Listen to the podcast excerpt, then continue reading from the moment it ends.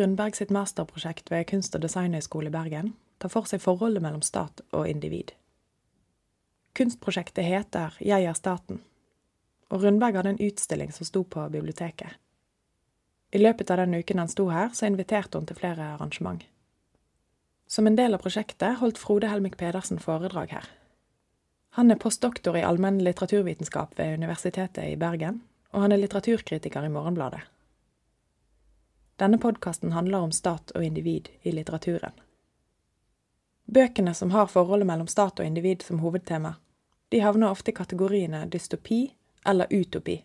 Med andre ord så er forholdet enten negativt eller positivt. I foredraget du nå får høre, får du et litteraturvitenskapelig blikk på skremmende og idylliske framstillinger av framtiden vår. Vel, eh, jeg er opprinnelig blitt eh, bedt om å si noe om eh, litteraturens fremstilling av forholdet mellom stat og individ.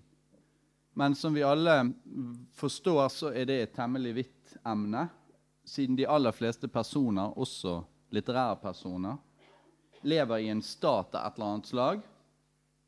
Eh, og en naturlig måte å snevre dette inn eh, på da, det er å fokusere på bøker som setter temaet mellom individ og stat i forgrunnen. Og da er det naturlig å se på bøker som faller inn under science fiction-sjangeren i vid forstand.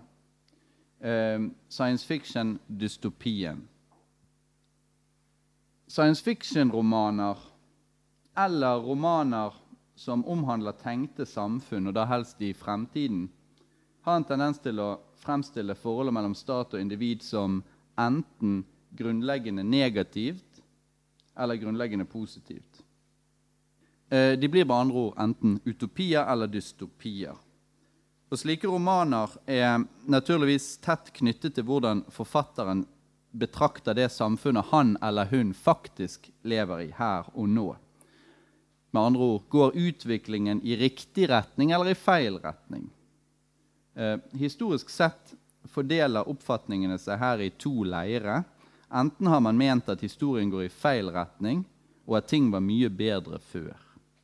Dette er den såkalte gullaldertankegangen, som er en forfallstankegang i den forstand at den paradisiske tilstanden, gullalderen, blir plassert i en fjern fortid som menneskeheten fjerner seg mer og mer ifra.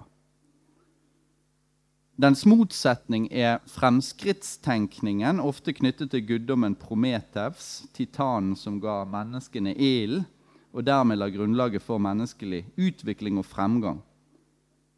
Eh, forutsetningen for fremstillingen av slike tenkte samfunn, enten de nå er positive eller negative, og da snakker vi om tenkte samfunn her på jorden, og ikke paradisiske tilstander i det hinsidige.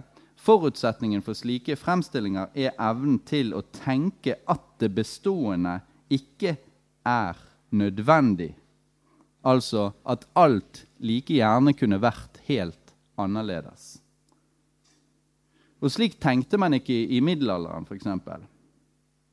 Eh, hvor samfunnet var veldig sånn fastlagt, et fastlagt hierarki eller nettverk av ulike samfunnsroller som individene var såpass fastspikret i, gjerne fra fødsel av, at det ikke var mye rom for å problematisere systemet. Eh, og Derfor er det heller ikke til å undres over at den første egentlige utopien, litterært sett, om vi da ser bort fra Platons 'Staten og lovene' i antikken, kom helt i begynnelsen av nyere tid, som det gjerne heter. Um, nærmere bestemt i 1516, da Thomas More skrev sin berømte bok 'Utopia', eh, som omhandlet et tenkt samfunn hvor mange av datidens problemer, konflikter og lidelser var løst, fjernet. Eh, på denne tiden, altså helt, Nå vi jo, snakker vi om reformasjonens tidsalder. altså Helt i, på terskel til eh, opplysningstiden, eller i, på slutten av renessansen. Um, på denne tiden så står individet mye sterkere enn det gjorde i middelalderen. Uh, og man står på terskel til en tid hvor den menneskelige fornuften kommer i høysetet og oppvurderes i forhold til tradisjonen og det nedarvende. Dermed ligger forholdet til rette for å tenke helt nytt, også hva samfunnet angår. Eh, og Moores verk markerer faktisk også begynnelsen på en tradisjon, en utopisk tradisjon, for det ble skrevet svært mange utopiske verk på 1600- og 1700-tallet. Uh, Francis Bacon skrev et, bare for å nevne noen få eksempler. 'New Atlantis', der er vi på 1600-tallet. Voltaire skrev et på 1700-tallet som het 'Eldorado'. Det fins en lang, lang liste. Uh, så hva er egentlig da utopien? I den grad utopien inneholder en visjon av den best tenkelige staten, så er den i sitt vesen innrettet mot forandring forandring til det bedre. Og med hensyn til den store avstanden som besto mellom en slik lykkelig stat og nåtidens ulykkelige og undertrykkende tilstander, f.eks. på 1700-tallet, er den utopiske romanen også potensielt revolusjonær. Eh, dette tas opp f.eks. av Immanuel Kant som sier at jo, det er fint og behagelig å tenke seg ut en stat som er innrettet i tråd med fornuften, og uten alt dette her eh, irrasjonelle slagget som man ser rundt omkring overalt. Men, sier han, man skal også tenke på at det faktisk er straffbart å ville foreslå denne tenkte staten innført i virkeligheten. Med andre ord, det er ingen helt ufarlig syssel å skrive utopier. Vi kan spørre oss igjen hva kjennetegner en typisk utopisk stat? Eller hvis vi ser på denne tradisjonen som vi nå har vært innom, så er det en stat hvor urett, lidelse, undertrykkelse er fjernet. Eh, altså alle har fått et bedre liv. Eh, og slik sett så er Eh, den utopiske romanen grunnleggende emansipatorisk i sin natur, altså frigjørende. Og Det kan derfor ikke undre at den tidlige sosialismen på 1800-tallet ofte ble beskrevet som utopisk. Utopisk sosialisme. I den eh, sosialistiske utopien er klassemotsetningene opphevet, og de sosiale motsetningene er løst. Men problemet er at uh, i denne sosialistiske utopien så er selve avstanden til virkeligheten såpass grell at mange oppfatter dette som rent tankespinn. Altså en virkelighetsfjernt tankespinn. Det reneste fantasteri.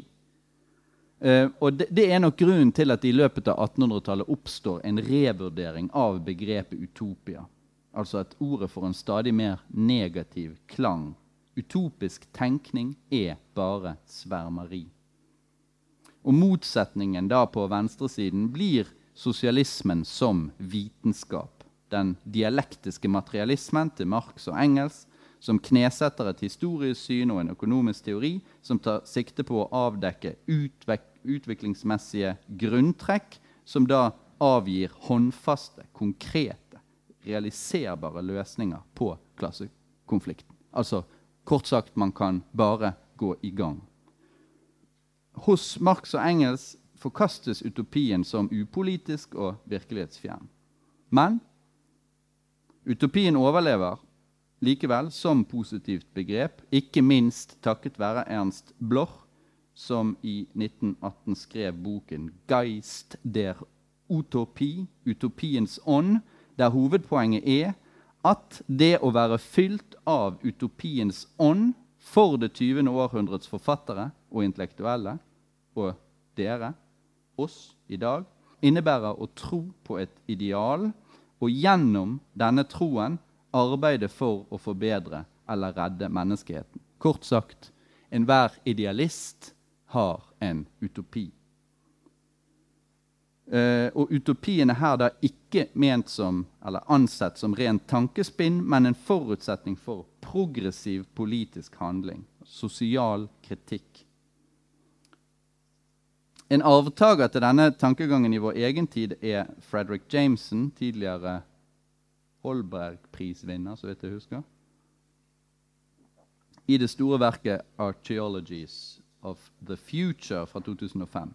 Og Her gis den utopiske tenkningen en oppreisning, en ny relevans for progressiv politisk tenkning. Vi vender tilbake til slutten av 1800-tallet. På slutten av 1800-tallet er det slik at den litterære utopien fremdeles står forholdsvis høyt i kurs.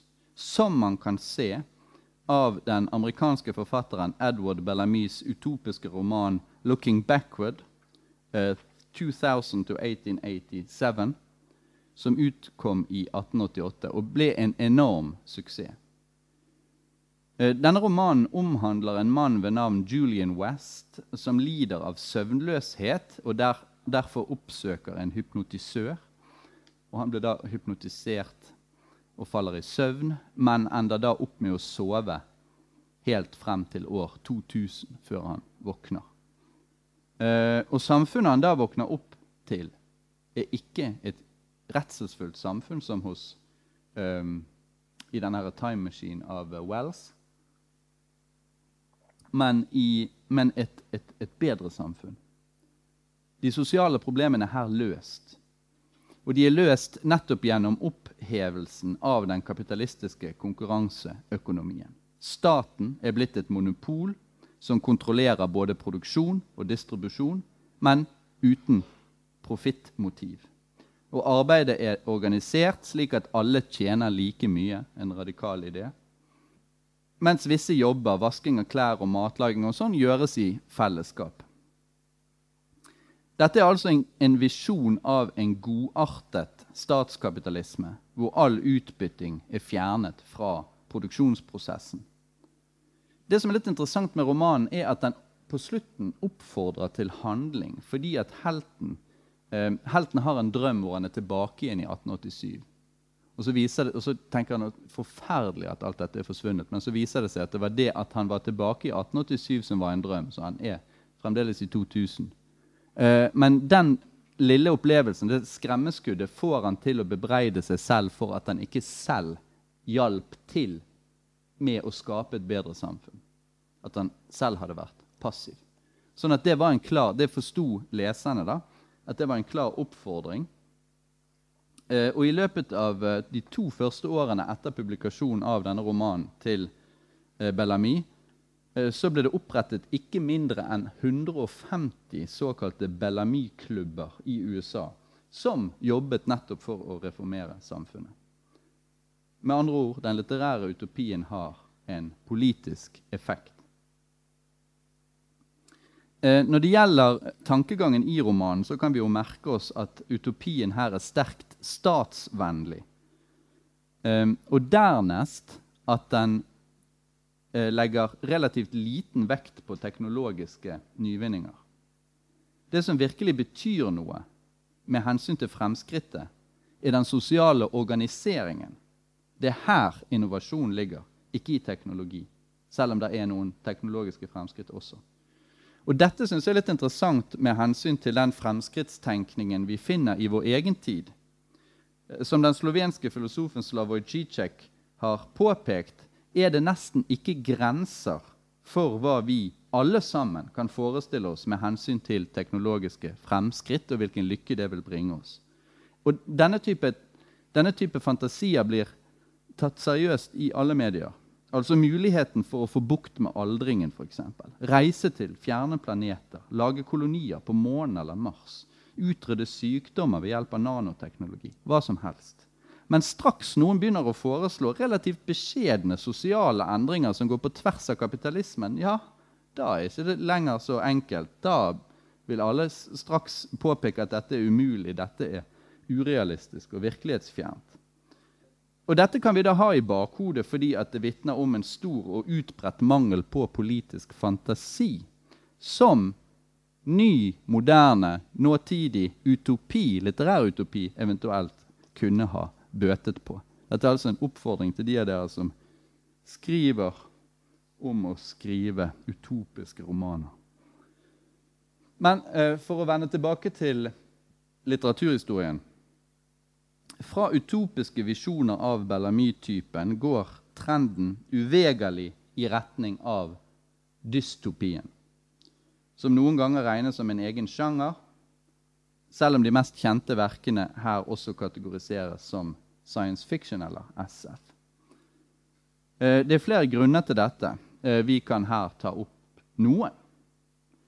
For det første så har man allerede rundt århundreskiftet, 1900, begynt å bli klar over at teknologien ikke nødvendigvis jobber til menneskehetens gavn, men at den også tenderer mot å gjøre mennesket til sin slave, slik som i de store fabrikkene.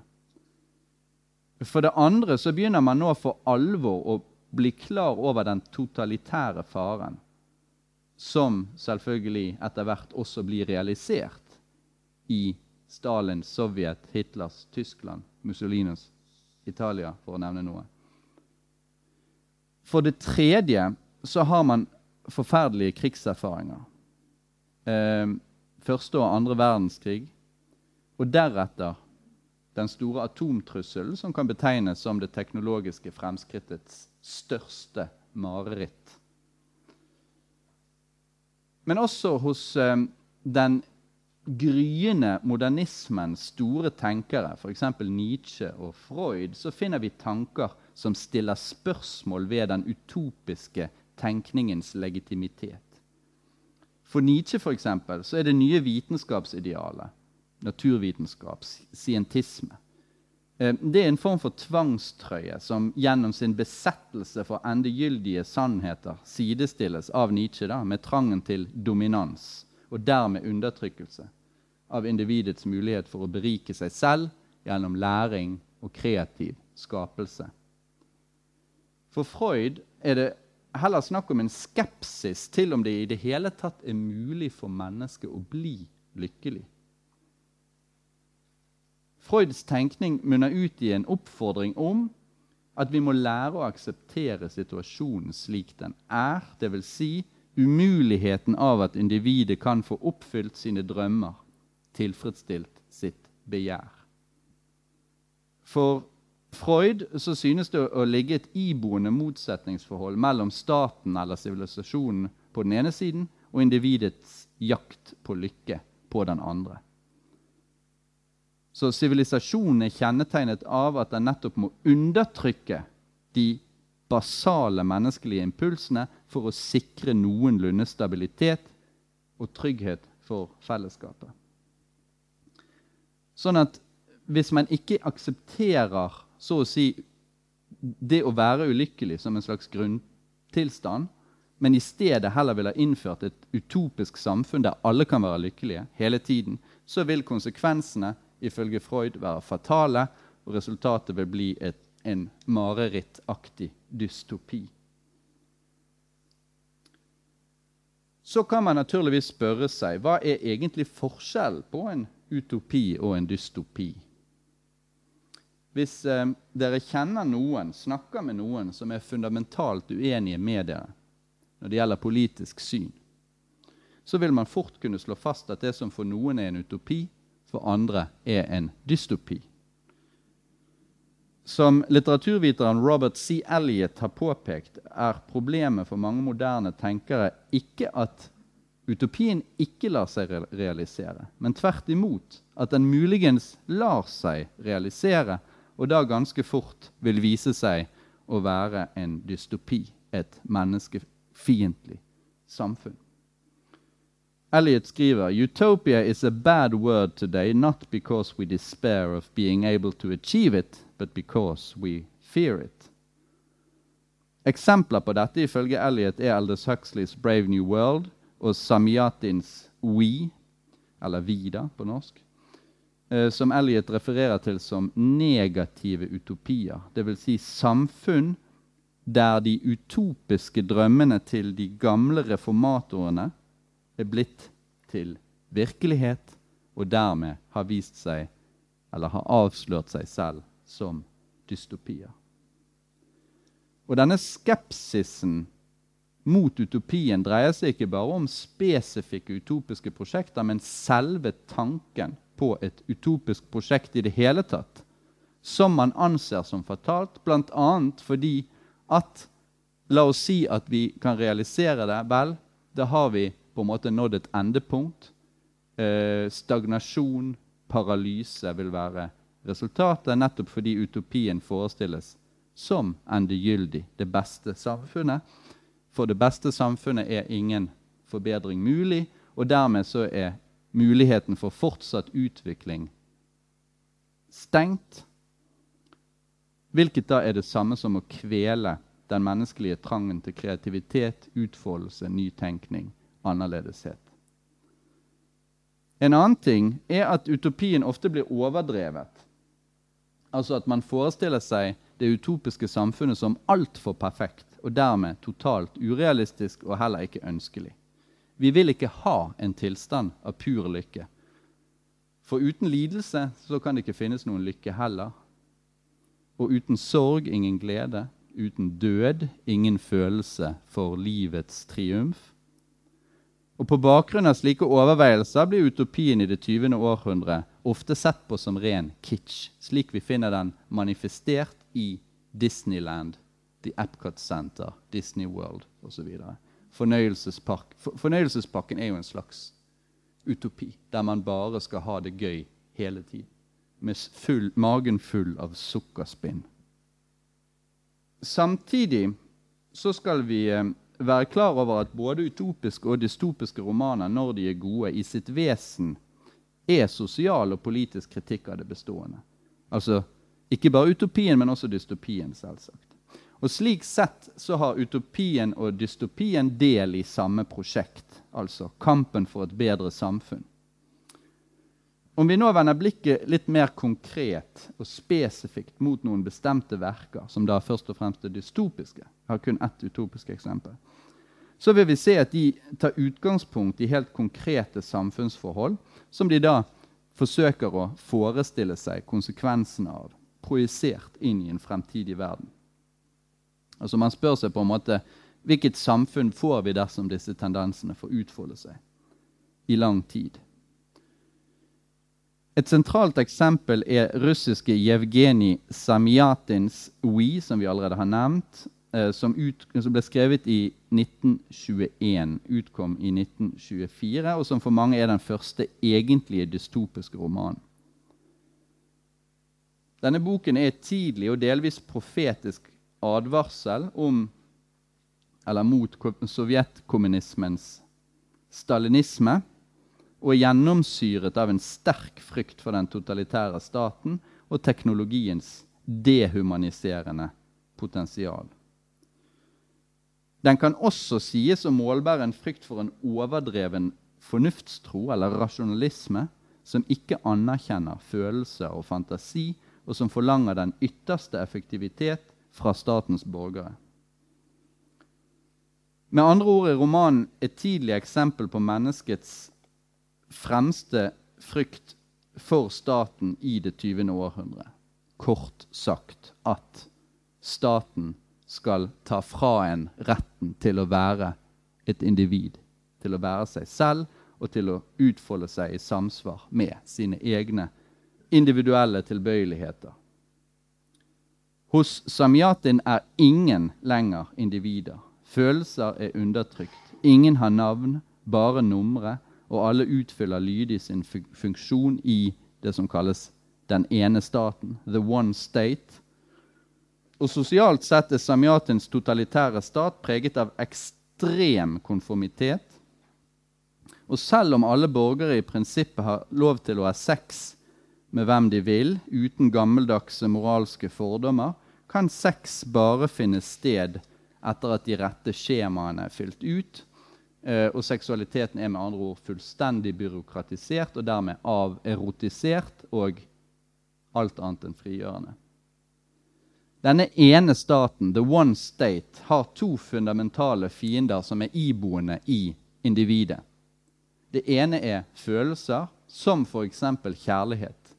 Nettopp fordi følelser fører individet nærmere seg selv som individ og bort fra sin status som en ren funksjon i statens maskineri. Og kjærlighet er dessuten undergravende i den forstand at den får individet til å nære en annen lojalitet enn bare den til staten. Dette uttrykkes i romanen ved at hovedpersonen, som heter D503, ikke ser seg i stand til å angi den opprørske kvinnen i 330, som han utvikler et slags kjærlighetsforhold til. Den andre av statens fiender, som altså er iboende i individet, er kreativitet og fantasi. Eh, også dette individuelle egenskaper som for hovedpersonens del til slutt fjernes av staten ved hjelp av kirurgi. De driver med sånn laserbehandling for å få vekk vederstyggeligheten. Ja, eller teknologisk avansert og mer presis form, kan man si. Um, og dette er også et, et sentralt punkt, for ikke bare er fantasien individualiserende. Fantasien er jo også det ved oss som gjør oss i stand til å tenke oss en annen verden, altså at ting kunne vært annerledes. Fantasien gjør oss dessuten i stand til å leve oss inn i andre skjebner enn vår egen, og er dermed en forutsetning for det vi i dag kaller empati. Samyatin slår i denne romanen dessuten fast at fantasien har et uvurderlig politisk potensial, og derfor altså er noe som må undertrykkes i en stat som i egne øyne ikke trenger fornyelse, ikke trenger forbedring. Altså som i egne øyne er kulminasjonen av menneskets utvikling, og dermed et historisk endepunkt. Herfra går ingen vei videre. Som politisk kritikk er denne romanen rettet mot sovjetstaten i sin tidlige fase. Og dessuten den kollektivistiske, utopiske ideen om proletariatets diktatur, som det her da eh, hevdes eh, fort vil degenerere til et menneskefiendtlig tyranni. Men romanen målbærer også en kritikk av alle totalitære tendenser. Også, kan vi si, slike som vi ser i vårt samfunn. F.eks. tendensen til å fetisjere de såkalte nakne fakta og kultiveringen av kravet om ren effektivitet. Effektivitet er jo ikke et negativt ladet ord i avisene f.eks. eller i offentlige dokumenter. Hos Samyatin er det det. Romanen slutter med et politisk håp. Uh, denne Staten har en sånn mur som skiller, skiller, staten fra et herjet landskap rundt, og den er begynt å slå sprekker da, ved hjelp av opprørske grupperinger. Med andre ord uh, den subversive organisasjonen er ikke knust på slutten av staten. Så det er mulighet for at dette kan endres. Hvis vi går videre nå i hurten og sturten hadde jeg nær sagt, til Aldous Huxleys uh, 'Brave New World' fra 1932, så kan vi se at det er en tilsvarende kritikk, men da ikke av kommunismen, men av kapitalismen. Og også Huxleys verden er kjennetegnet av en utarming av individet. Et konsumpreget samfunn preget av nesten total konformitet. Handlingen finner sted i London 600 år frem i tid. Men selv om dette samfunnet er sterkt klassedelt og sterkt preget av nytelse og konsumerisme, så dreier det seg ikke om kapitalisme slik vi kanskje, kanskje tenker oss den, altså i betydning frihandel mellom forskjellige stater, men snarere om en strengt toppstyrt statskapitalisme eh, som også har i seg mange trekk fra kommunismen. Eh, I likhet med Samyatin fremstiller Huxley teknologien som et instrument for undertrykkelse. Så egentlig en teknologifiendtlig roman på mange måter. Eh, romanen åpner med en lang beskrivelse av de såkalte klekkeriene, hvor de ulike kategoriene av mennesker produseres kunstig. Altså Ved hjelp av diverse vitenskapelige metoder så kan man fremstille mennesker i følgende og nedadstigende verdimessige kategorier. Skjønt?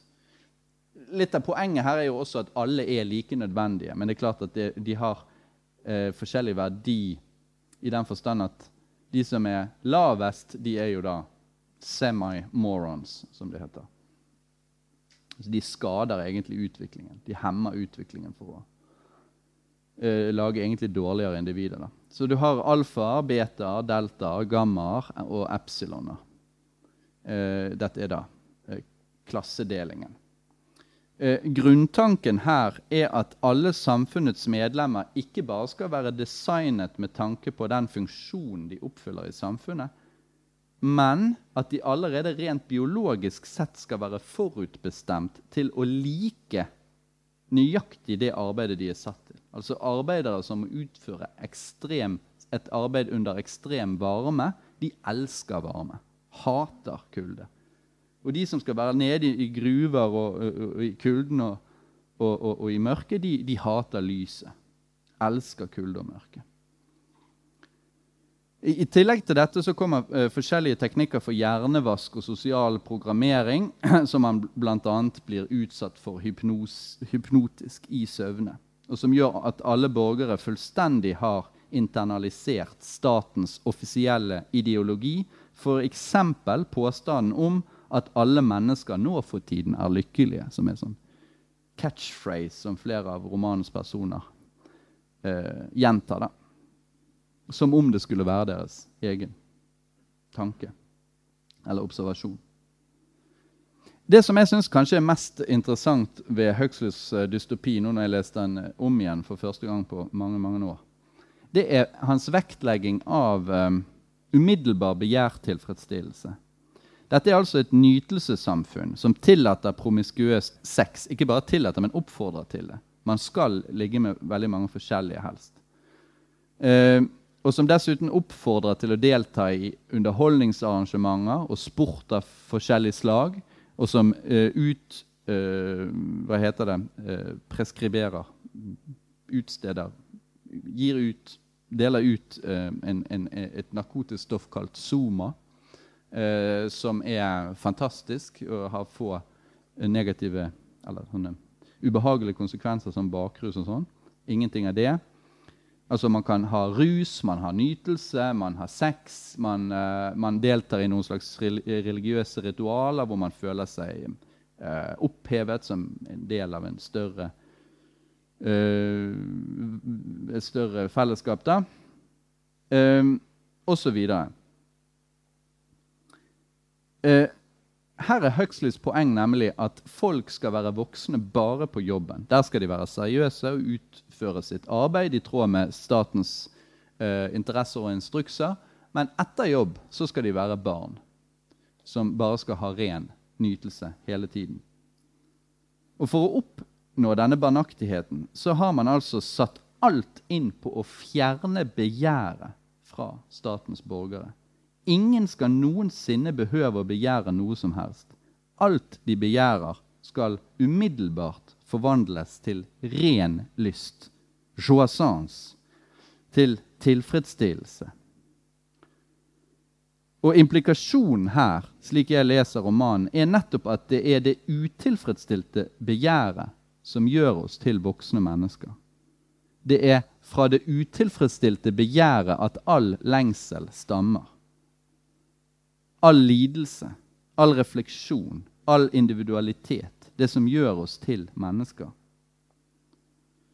Eh, og Derfor er det at hovedpersonen Bernard Marx kjennetegnes av at han nettopp avviker fra mønsteret. Altså Han blir ikke tilfredsstilt. Han klarer det ikke. Han, han, han føler seg utenfor. Han føler seg ulykkelig. Han klarer ikke å, å synes det er gøy, det som de andre syns er gøy. Og det er nettopp derfor han har et undergravende eller subversivt potensial. Selv om han ikke er noen spesielt sympatisk type i det hele tatt. Eh, et annet viktig trekk ved boken i vår sammenheng er at staten, selv om den er totalitær, ikke trenger å utøve vold mot borgerne. Nettopp fordi at borgerne går rundt og er tilfredsstilte hele tiden. Dessuten er det også slik at disse borgerne er så å si fratatt evnen til å reflektere gjennom et voksent, modent, dypt språk. De har bare intetsigende popsanger og slagord uten reelt innhold å forholde seg til. Så det er egentlig en ganske tragisk ting. F.eks. denne kvinnelige hovedpersonen Lenina blir forelsket i denne her villmannen utenfra uh, utenfor staten, da, som lever fremdeles slik, slik man levde før. altså. Når hun blir forelsket i han, så har hun ingenting annet å falle tilbake på rent språklig enn sånne helt totalt banale vers fra sånne popsanger som hun prøver å sitere fra. Mens han sitter da med Shakespeare. Han har lest Shakespeare, for han fant en gammel Shakespeare-utgave der ute i villmarken som han, eh, som han da kontrer med. På, på, som er jo da en slags tragikomisk eh, avstand rent språklig. Eh, Parallell til vår egen tid, for nå å trekke den, synes jo relativt åpenbar. Altså, Vi er jo tilfredsstilte eh, hele tiden av underholdningsindustrien. Vi trenger ikke engang å gå ut for å leie videofilmer. Hele tiden. All musikk i verden er tilgjengelig. Sant? Spotify. Bortimot all eh, Altså Hele den der utrolig pinefulle og problematiske dateprosessen er endret med hjelp av uh, sosiale medier og Tinder og det ene med det andre. Så tanken, altså Det vi på en måte beveger oss mot, er noe lignende til dette. altså At du liksom bare skal ta frem den der og så trykke, og så får du det du, det du vil ha. Og Huxleys roman advarer oss nettopp mot slike tendenser. Uh, og da nettopp fordi at romanen antyder at det utilfredsstilte begjæret er kilden til alt som er av verdi i menneskelivet. Vekk med Spotify. Du skal gå og ønske en plate i, først i mange mange måneder. Så skal du endelig få den. Så skal du høre på den hver dag i mange måneder. Da har du, da har du verdi og lykke. Hvis du har alt med, med, en gang hele tiden, så har du ingen lykke. Dessuten er dette utilfredsstilte begjæret hos, hos Huxley da åpenbart en forutsetning for viljen i det hele tatt å kunne ha en vilje til å kjempe for politisk endring. Så uh, Det var min da korte lesning av den uh, Brave New World. Vi går uh, raskt videre til det, den tredje store dystopien, nemlig George Orwells 1984, 1984. Um, den utkom da etter andre verdenskrig, 1949, og er også da sterkt pessimistisk med tanke på utviklingen. Den har også sterke likhetstrekk med Samjatins We. Også her er det snakk om en brutal, totalitær stat som fratar individet all individualitet. Den verden Orwell skisserer, består av tre superstater. Oceania, Eurasia, East Asia. De er da i kontinuerlig krig med hverandre, men uh, med ulike Altså de er i krig med med, altså Oseania, som vi følger, da, er først i krig med det ene og så med det andre, men uten at folket på en måte uh, blir oppmerksom på at det forandrer seg. Men hovedtanken er altså kontinuerlig krig. Ytre fiender. Veldig viktig. Orwells verden skiller seg fra Huxleys på mange måter, og en av dem er at staten hos Orwell hele tiden er direkte og brutal i sin maktutøvelse ved hjelp av arrestasjoner og tortur f.eks. En annen forskjell er at de aller fleste her hos Orwell lever i den ytterste fattigdom. 80% av innbyggerne er såkalte proles, proletarer, og lever ned mot eksistensminimum, omgitt av skitt og lus og elendighet. De eh, holdes så å si eh, i gang ved hjelp av dårlig alkohol, pornografi og et populært lotteri som imidlertid aldri utbetaler noen gevinst. Det er jo det da ingen som får vite. Eh, og det, det, er jo heller ikke sånn at de øvrige klassene den, eh, han, eh, Hovedpersonen, Winston, han eh, tilhører den såkalte ytre partikretsen, out of party. De har det ikke spesielt behagelig, men de har det greit nok. De har noe, eh, litt gin, og så har de eh, noen dårlige sigaretter, og så har de i hvert fall uh, husly og sånn. da. Men jeg tror jeg leste et eller annet sted at Orwell, Orwell hadde ment å fremstille det til og med slik at eliten har det mindre luksuriøst enn en, fortidens eliter. Det er altså et ganske sånn dystert samfunn på alle måter. Eh, det er veldig mange trekk ved denne romanen som hadde fortjent en nærmere diskusjon. Men vi kan her uh, begrense oss til et par aspekter. Det ene er selvfølgelig Newspeak, som dere alle kjenner til. et kunstig språk som fjerner muligheten for å tenke kritisk. Altså Man fjerner rett og slett de begrepene som kan brukes til eh, negativ eller kritisk tenkning. Eh, og Ideen er da selvfølgelig at det man ikke har ord eller begreper for, det kan man heller ikke tenke. Ja. Og også Huxleys eh, roman inneholdt et slikt moment. Altså denne banale sanglyrikken uten evne til å sette ord på dypere eksistensielle kvaler.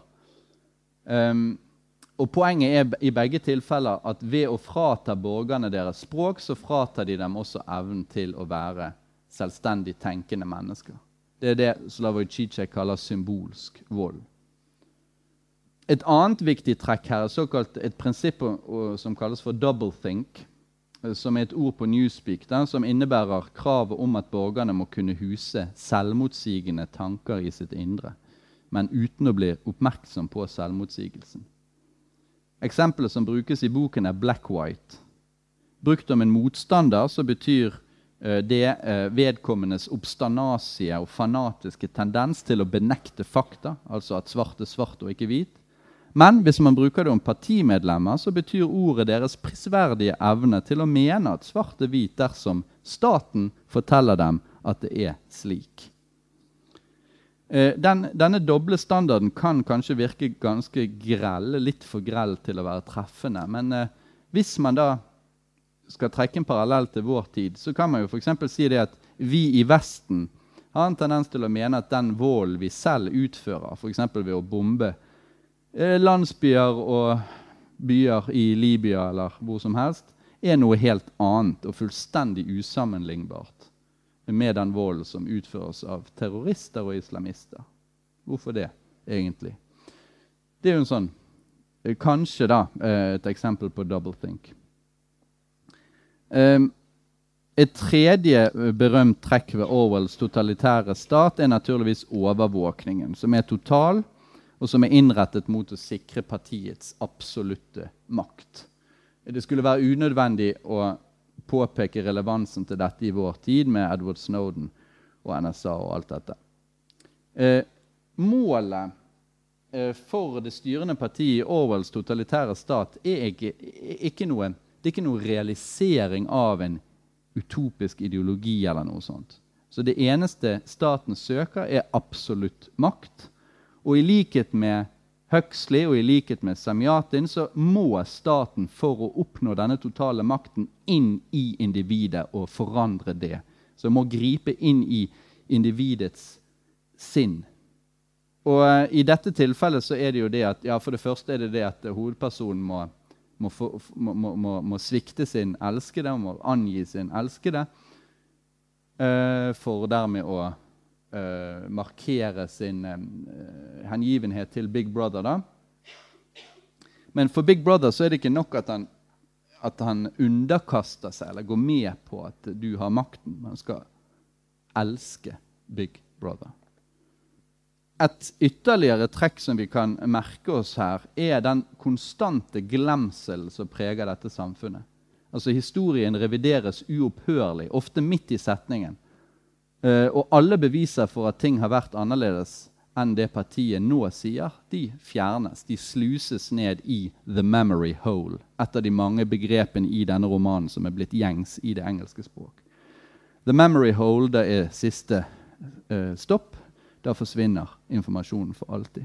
Og implikasjonen er interessant, for implikasjonen er at historisk kunnskap og historisk bevissthet er en kilde til helt nødvendig politisk motstand. Dette er da et argument for humanioras berettigelse i vår tid. Hvis man ikke har kunnskap om historien, så er man totalt utlevert statens løgner, statens myter. Mytemaking. Dette er altså dystopiene foreløpig. Eh, jeg har lyst til å peke på ett altså Dystopiene jo, tok jo fullstendig over i det 20. århundre, men det fins en utopi også som er god, nemlig Ursula Le Guins 'The Dispossessed', som utkom i 1974, og som er en av de få prominente science fiction-utopiene fra forrige århundre. Den har undertittel 'An ambiguous utopia', altså en ambiguøs utopi, en tvetydig utopi. Dvs. Si, i den grad den fremstiller et utopisk samfunn, er dette samfunnet på ingen måte fritt for problemer eller uheldig utvikling. Denne romanen er litt for komplisert til at vi kan gå inn på den i detalj nå, men vi kan skissere et par hovedtrekk. Altså, Den inneholder hovedsakelig i alle fall tre samfunn, styrt av tre ulike ideologier. På planeten Anarres har man realisert et anarkosyndikalistisk samfunn uten noen egentlig statsmakt. Og det er dette samfunnet eh, som eventuelt kan betraktes som en utopi. På den nærliggende planeten Urras har man hovedsakelig to store stater som rivaliserer mot hverandre. og Den ene er da kapitalistisk, etter mønster fra USA, mens den andre er autoritær og sosialistisk etter mønster fra Sovjetunionen. Um, romanen følger en briljant fysiker fra den anarkistiske planeten Anarres og hans reise tilbake til moderplaneten Urras. Altså alle, fra, alle som bor på Anarres, de kom opprinnelig 200 år tidligere fra Urras. Eh, det var, det var, en revolusjonær bevegelse som så å si ble eksilert som et slags uh, kompromiss. Dette er en reise som i utgangspunktet er foretatt av vitenskapelige grunner. Altså denne hovedpersonen uh, er fysiker og prøver da ved hjelp av fysikere fra Urras å fullføre sin revolusjonerende teori om tidens vesen.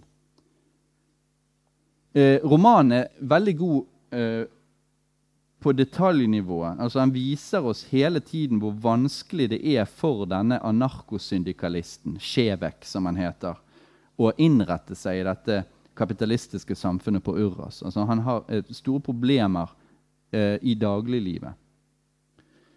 Men det aller mest interessante med denne såkalte ambiguøse utopien til Le Guin, og grunnen til at jeg i det hele tatt tar han opp her, er det uperfekte ved samfunnet på Anares. Altså at utopien ikke er noen entydig lykketilstand. Dermed er den mer troverdig og mer seriøs. Eh, man har riktignok oppnådd en, et samfunn som ikke har noen egentlig statsmakt, og eh, som er tro mot sin opprinnelige ideologi. Altså Den er preget av en slags levende ideologiutøvelse. Kort sagt, man er tro mot de opprinnelige idealene. Men samfunnet er likevel ikke noe paradis på noen som helst slags måte. Det er preget av en asketisk livsstil. Eh, det har oppstått en ikke ubetydelig mengde ganske forstyrrende byråkrati.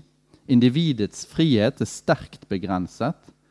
Eh, F.eks. blir Skjevek, som jo da er en briljant forsker, han blir nødt til å gjøre plikttjeneste ved en, eh, en, slags sånn gårdsbruk da, som er veldig sånn karrig. Hardt arbeid i, i, i, lang tid. Det er fordi at fellesskapet mangler mat. Alle må ut, alle må hjelpe til. Dessuten er det også i denne utopien slik at man forsøker å drive ideologisk styring gjennom språket. Det, det, er jo gjengs for alle disse romanene. Sant? For så skal man ikke bruke eiendomspronomener. Akkurat som man i dag eh, prøver å avskaffe eh, genus, altså kjønn-pronomene. Eh, her, her, er det possessiver eh, som skal fjernes. Eh, det det det henvises da til i tittelen 'The Dispossessed'. For eksempel så sier denne Skjevek sin datter et sted You can share the handkerchief I use. Uh, heller da enn 'You may borrow my handkerchief'. Med andre ord dette er et lommetørkle jeg tilfeldigvis bruker for tiden, og som du kan dele med meg. Det er ikke mitt. Dette, I dette samfunnet så er man generelt imot såkalt egoizing. Man skal med andre ord gjøre minst mulig nummer av sitt eget ego. Og helt fra man er små, har man lært å snakke om ting som også interesserer andre. Det er jo en god leveregel. Og man setter generelt fellesskapets interesser foran ens egne interesser. Kort fortalt, livet på Anarres i den anarkosyndikalistiske utopien er ingen dans på roser. Det er ofte hardt, det er uten luksus, Men det inneholder til gjengjeld muligheten for genuine vennskap, for følelsen av å høre hjemme, å bidra til fellesskapet og, og, og, og følelsen av å, å, leve et meningsfullt liv. Men det har også trekk av sneversyn eksempel, og en sterk, ganske sterk grad av konformitet. Eh, mange reagerer f.eks. med sinne og avsky og aggresjon når Skjevek legger ut på denne reisen tilbake til en planet som de anser for å være korrupt og dekadent. Men poenget mitt er her altså først og fremst at denne utopien er troverdig fordi at den er realistisk snarere enn skjønnmalende. Den fornekter ikke problemene som oppstår i dette, ville oppstått i dette tenkte samfunnet, men spiller dem tvert imot ut. Og Derfor er romanen politisk relevant. Eh, den er en seriøs utforskning av et genuint alternativ til kapitalismen og til den totalitære kommunismen. Sånn at det er nettopp denne retningen som Le Guin her antyder, som er veien å gå for en nåtidig, seriøs, utopisk fiksjonslitteratur. For, for, min del så tror jeg at vi er begynt å komme til veis ende hva dystopier angår. Og For nå bare helt kort å ta opp denne moderne dystopiens eh, foretrukne scenario, særlig da i populærkulturell sammenheng, så er jo det den postapokalyptiske tilværelsen. Som i filmer som Stakeland og serier som The Walking Dead. Eh, hvis, du, hvis, du, skal analysere eh, slike fremstillinger politisk, så vil man se at forholdet til staten som er tapt, er, egentlig er positivt. Og da snakker vi om den kapitalistiske staten.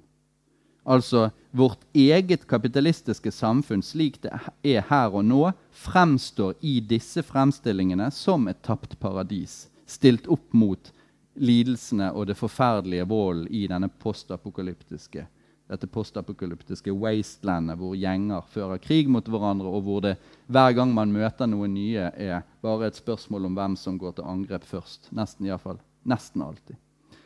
Så Derfor så mener jeg at disse her postapokalyptiske eh, visjonene her er stort sett politisk konservative. De målbærer budskapet om at mennesket ikke tåler for mye frihet. Eller de tåler ikke at samfunnsinstitusjonene bryter sammen. For når disse institusjonene bryter sammen, så blir mennesket sitt sanne jeg, så å si.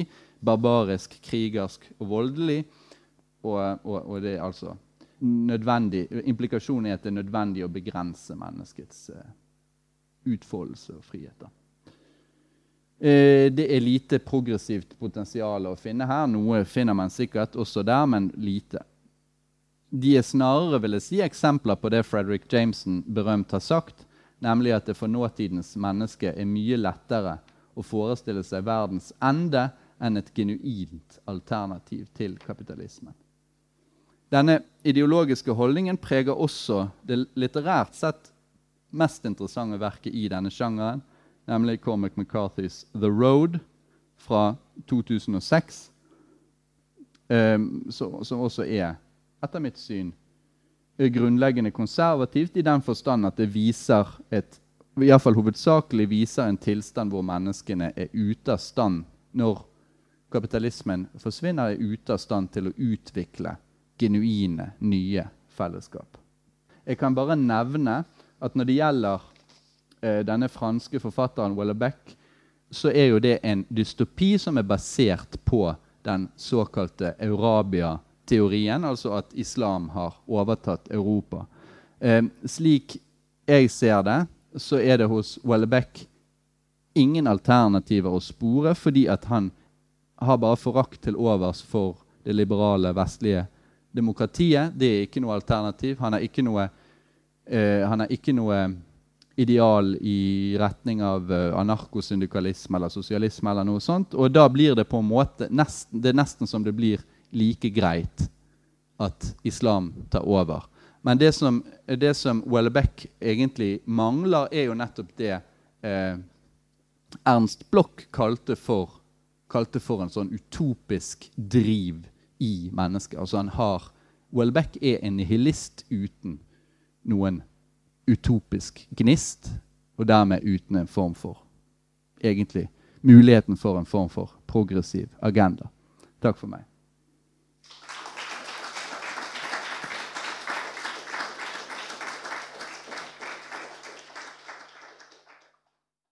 Du har lyttet til en podkast fra Bergen offentlige bibliotek. Hvis du vil høre flere av våre episoder, finner du de på bergenbibliotek.no bobcast, eller du kan søke oss opp i iTunes eller i podkastappen din og abonnere på oss der.